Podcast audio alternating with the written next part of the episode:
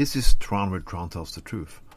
I'm not in a political mood today, so I'm gonna say something good. Yeah, some good news. For the last few days, I've been doing a movie. Yeah, a gangster movie. I was a student in the, in the local film school. And it was very nice. It was very hard, but it was very nice to do. And I'm looking forward to see the results. But I didn't start this as an actor. I never did as much acting when I was a kid.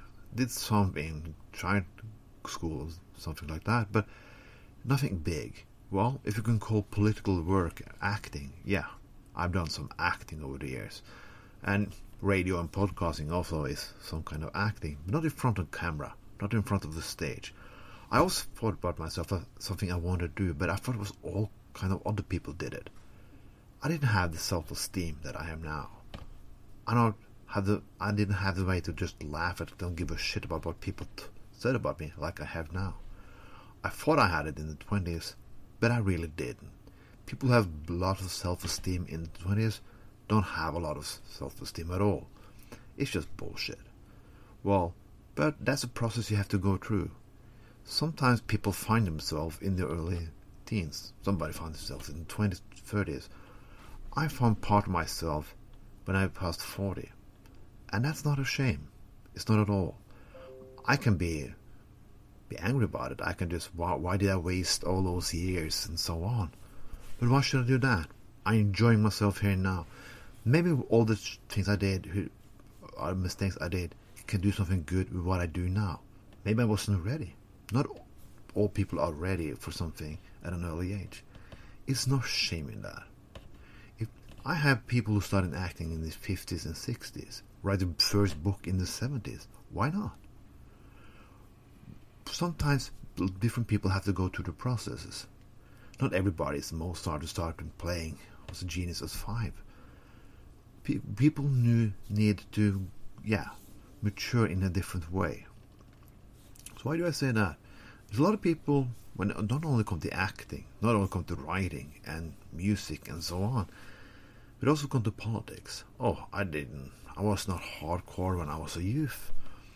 So can I suddenly switch now and do things like this now? Or I just had to follow the flow with other people? No, you don't. You can't be a hard radical. You can't see that some things you did and stood for and so on was wrong and things have changed. The world have changed. The information you have now makes you think different. It's no shame in that. It's no shame in growing. It's no shame in taking new information and just say to yourself, okay, I did wrong. Why did I do wrong? Can I do something different the next time? Maybe the, wrong thinking I did and the false I did helped me become a better person in the first place. It's not an easy process to go through. Because when you come to the nation, you don't want to see your life as a failure. You don't want to see like, oh shit, all the thing I haven't done, or all the thing I didn't think about, and be like angry or just pissing on the young people. But you can change, and it's no shame in it. That's called growing up. That's being a real adult, a real human being is all about.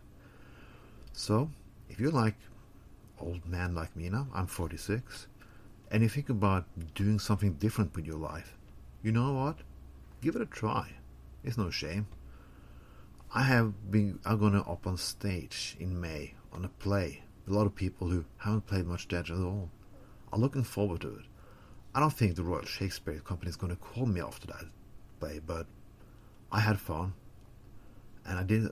I completed a dream I had for a long time, and I'm proud of it. And you should do the same. It was theater, writing, music, and so on, so on, so on. This was Tron, Tron tells the truth. Have a nice day.